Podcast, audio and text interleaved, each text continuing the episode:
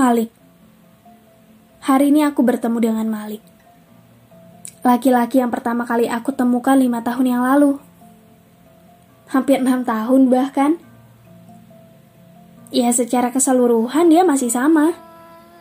Masih Malik yang matanya redup, yang bibirnya tebal dan turun, telinganya terbuka ke samping, bahunya tegap dan rambutnya yang sedikit bergelombang. Hah, Membayangkan Malik memang selalu semenyenangkan ini.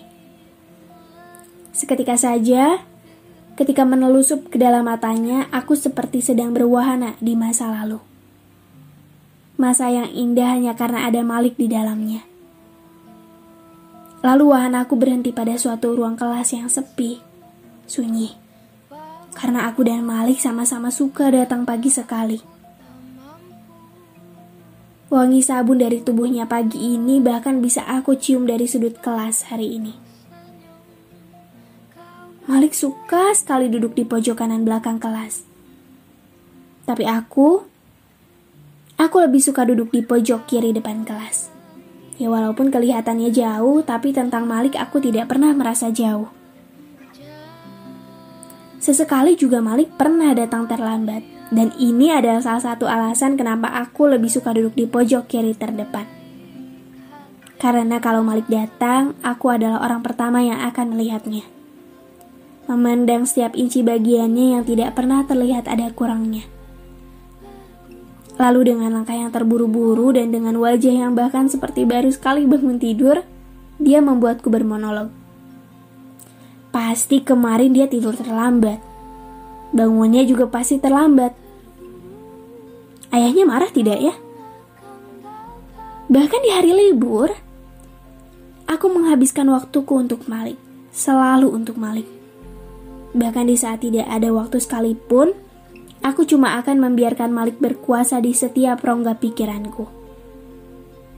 Makanya ku ambil pena, kertas, dan juga sejumput memori.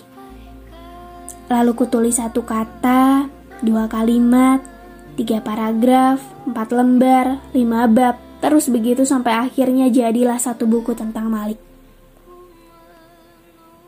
Tentang bagaimana aku menyukai Malik dari hari ketiga sejak aku menemukannya.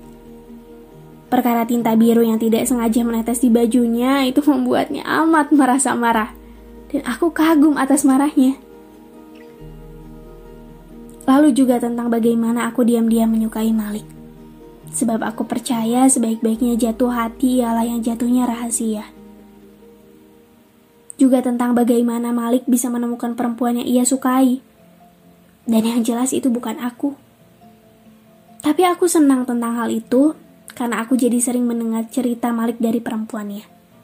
Perempuan yang Malik sukai adalah teman kita.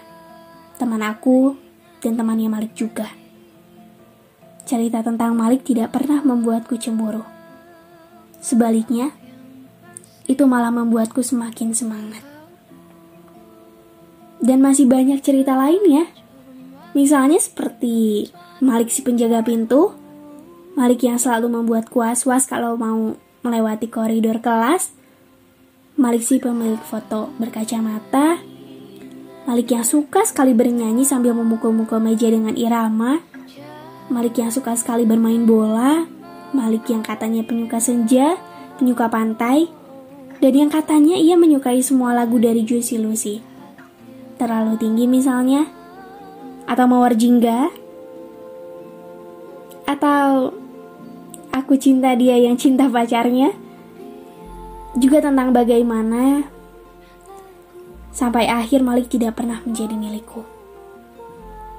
Pokoknya semua tentang Malik aku akan kemas dalam satu buku.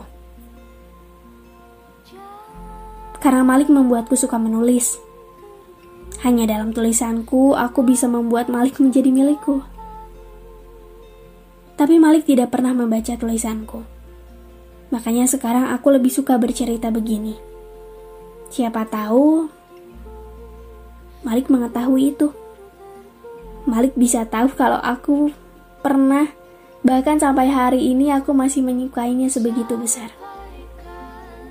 Aku bahkan mau taruhan kalau sepanjang hidupnya, aku akan jadi perempuan yang paling menyukainya. yang akan selalu melihat sisi gelapnya, yang akan selalu ada di pihaknya, yang akan selalu sama rasanya bahkan kalau suatu hari aku menemukan laki-laki baik pun, Malik selalu punya ruang di salah satu sudut hidupku. Ruangan yang akan selalu sama dengan lima tahun yang lalu. Ruangan yang aku simpan rapat-rapat dan tidak akan aku biarkan laki-laki lain ketahui. Sebab Malik adalah satu-satunya laki-laki yang seharusnya bisa membuatnya cemburu. Sebagai penghormatan untuk Malik, aku berterima kasih banyak sebab karenamu aku dalam lima tahun terakhir ini selalu merasa bahagia. Karena tidak satu hari pun, tidak satu hari pun aku lewatkan untuk mengagumi ciptaan Tuhan bernama Malik.